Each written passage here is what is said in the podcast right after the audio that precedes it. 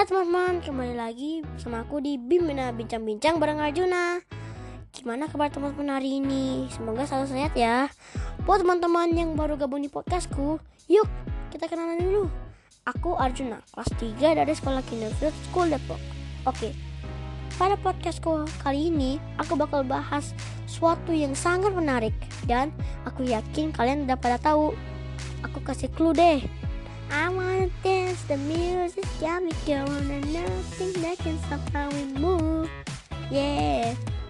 Nah, dari penggali lagu tadi udah pada bisa nebak kan? Uh, kali ini aku bahas bahas siapa? Ya, bener. Aku akan bahas BTS. Yuk, langsung aja kita bahas.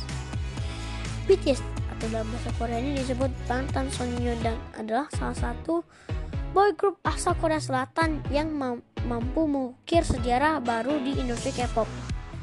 BTS terkenal nggak cuma di Korea Selatan, tapi juga sampai ke mancanegara, termasuk Indonesia loh. Mereka juga dapetin berbagai penghargaan, baik secara nasional maupun di internasional, seperti pernah diundang di acara Grammy Award. Nah, di balik keterangan BTS saat ini, ada sosok Bang Si Hyuk. Menurut aku, yang aku baca di TheAsianSparrow.com, Bang Si Hyuk atau dikenal sebagai Hitman Bang adalah seorang penulis lirik lagu sekaligus produser yang mendirikan agensi bernama Big Hit Entertainment. Big Hit Entertainment bukan merupakan agensi besar, bahkan bisa dibilang agensi baru saat BTS bergabung. Di awal berjalan karir, BTS bahkan harus rela latihan dan tinggal di asrama yang gak begitu luas.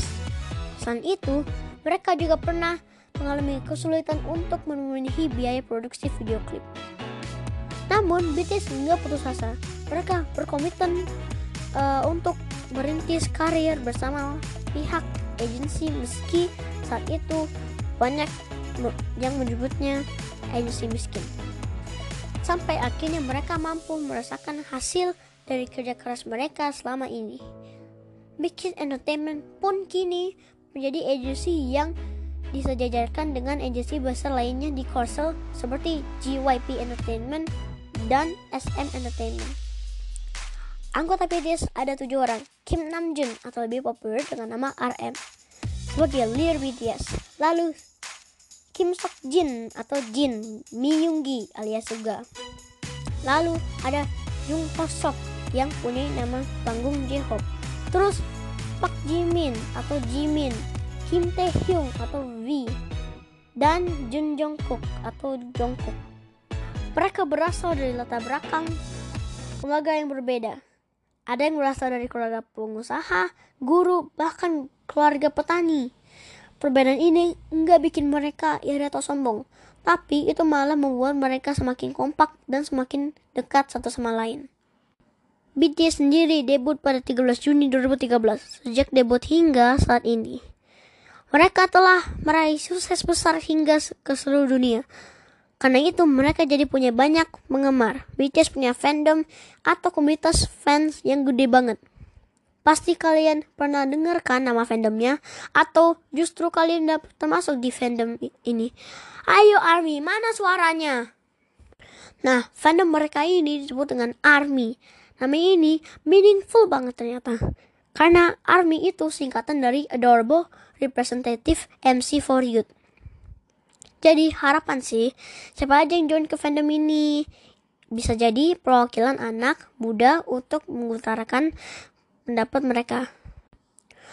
Nah, fakta lainnya BTS juga sering ikut berpartisipasi di kegiatan sosial seperti bekerja dengan UNICEF buat kampanye Love Myself yang dikhususkan buat anak-anak dan remaja sampai dipercaya oleh Presiden Korea Selatan Moon Jae-in buat jadi utusan khusus untuk hadir di sidang umum PBB yang ke-76.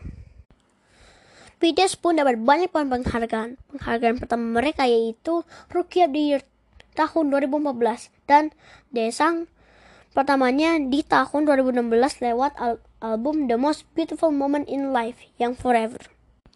Nah, yang bikin aku suka lagi dari BTS, fans mereka nggak cuma anak muda, tapi ada juga orang tua, bahkan anak-anak. Nggak cuma cewek, tapi ada banyak cowok yang suka mereka. Lagu-lagunya pun banyak banget bercerita tentang mencintai diri sendiri dan gak mudah menyerah dengan keadaan.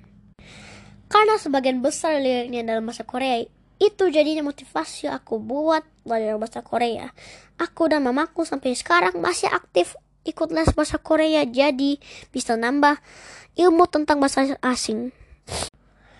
Oh iya, para membernya semua lulusan S1 loh.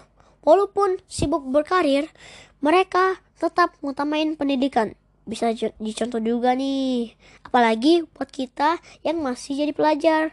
Ingat, apa pun cita-citamu, belajar itu wajib. Selain dapat ilmu pengetahuan, belajar ngajarin kita di lain-lainnya kayak manajemen waktu dan juga tanggung jawab.